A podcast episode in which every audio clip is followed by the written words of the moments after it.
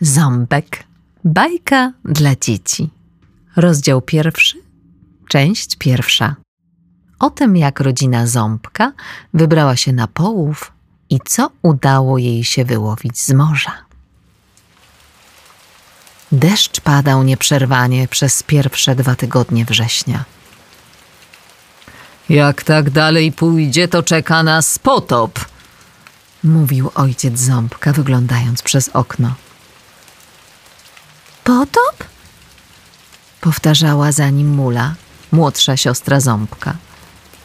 Gdy słyszała o potopie, jej oczy robiły się wielkie jak talerze. Wyobraźnia podsuwała jej straszliwe obrazy tego, co mogło się wydarzyć, gdy deszcz nie przestanie padać. Bezbrane wody oceanu zaczną wdzierać się na ląd, pochłaniając wszystko, co napotkają.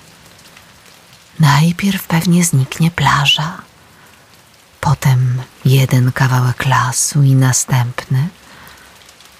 O tym, co mogłoby się dziać dalej, aż bała się myśleć. Albowiem dalej był już ogród ząbków, ich dom i oni sami. Oczami wyobraźni Mula już widziała wodę wdzierającą się przez okna salonu, zalewającą stary dywan, poszczególne sprzęty, podchodzącą do pierwszego piętra i strychu, a potem wyżej na dach, gdzie siedziała rodzina ząbków. Na środku wyspy, którą zamieszkiwali, stała wielka góra ziejąca ogniem. Była niezwykle wysoka. Jej potop mógłby nie zabrać.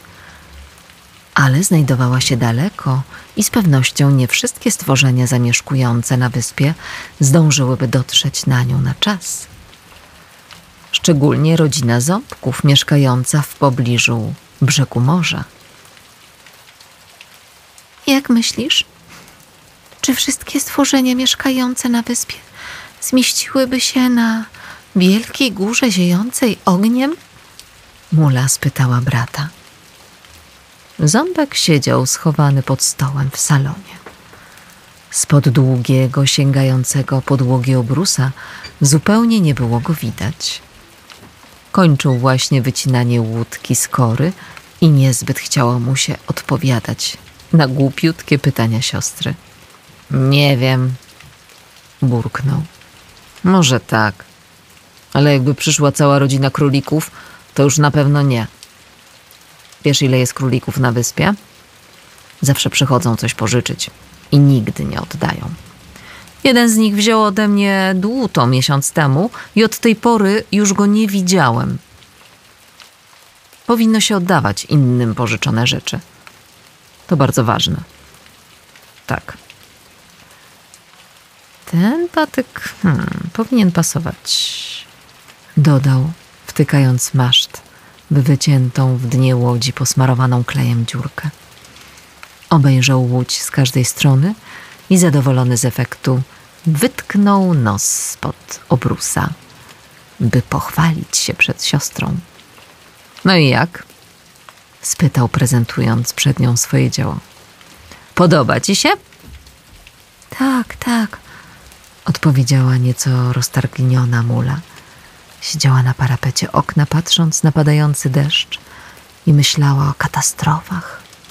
Powodzie, pożary, trzęsienia ziemi przesuwały się przed jej oczami, napawając strachem i rodząc chęć ratowania nieszczęsnych stworzeń tonących w odmętach, zasypywanych zwałami ziemi, bądź ginących w płomieniach zrodzonych w jej wyobraźni.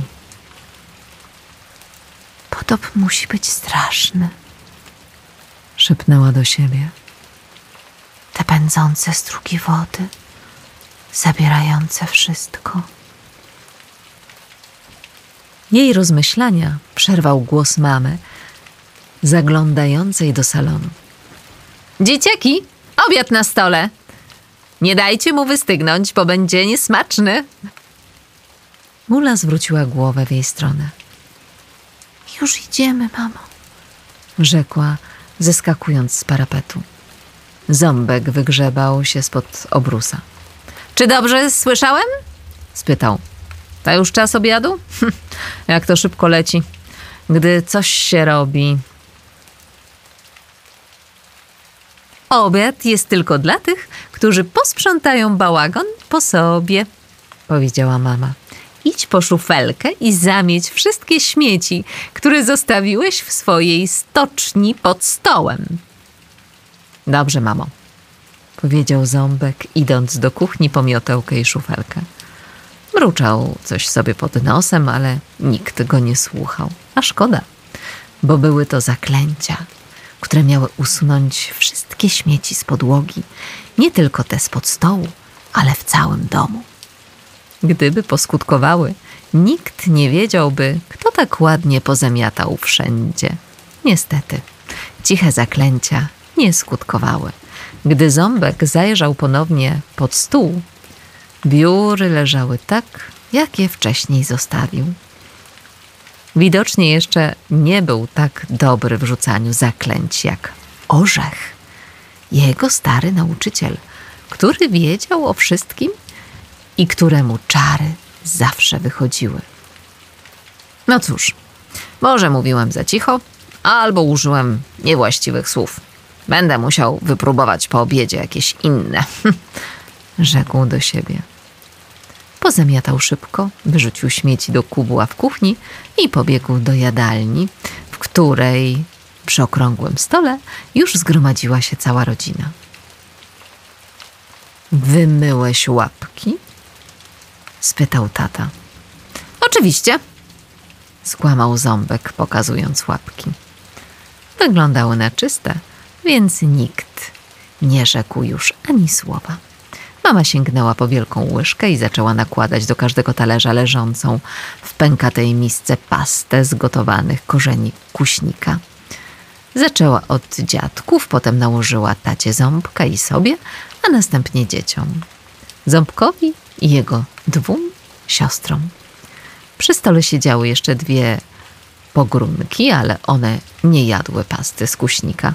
Dla nich były surowe marchewki i jabłka. Pogrunki uwielbiały jabłka, jadły w milczeniu, jak zawsze trzymając sztućce w łapkach z gracją, jakiej mogłyby im pozazdrościć każde stworzenia mieszkające na wyspie. Wycierały czasem usta lub nos rękawem i jadły dalej w milczeniu. Na obiad, oprócz pasty z kuśnika, były jeszcze rzodkiewki i kompot ze śliwek. Ząbek wymiótł swoją miskę do czysta, spoglądając na współbiesiadników. Wszyscy byli dziś dziwnie milczący. Przy obiedzie nie padło ani jedno słowo. Ząbek nie lubił przedłużającej się ciszy. Ciszy. No właśnie. Nikt nie zwrócił uwagi, że gdy jedli miarowy szum deszczu uderzającego o szyby ich domu i ściany, pukającego do drzwi i w dach, nagle ustał. Ząbek uważnie nadstawił uszu. Nie mylił się. Wreszcie przestało padać. Tato, rzekł, czy nie wydaje ci się, że już nie pada za oknem? Ojciec nadstawił ucha. Chyba masz rację. Mam nadzieję, że przeszło na dobre. Od kilku dni planowałem wybrać się na połów wodorostów na zimę. Może uda się chwycić w sieci również kilka żółtoryb dla wodników. Kończcie obiad, idziemy na przystań. Nie mamy czasu do stracenia. Atmosfera przy stole od razu się ożywiła.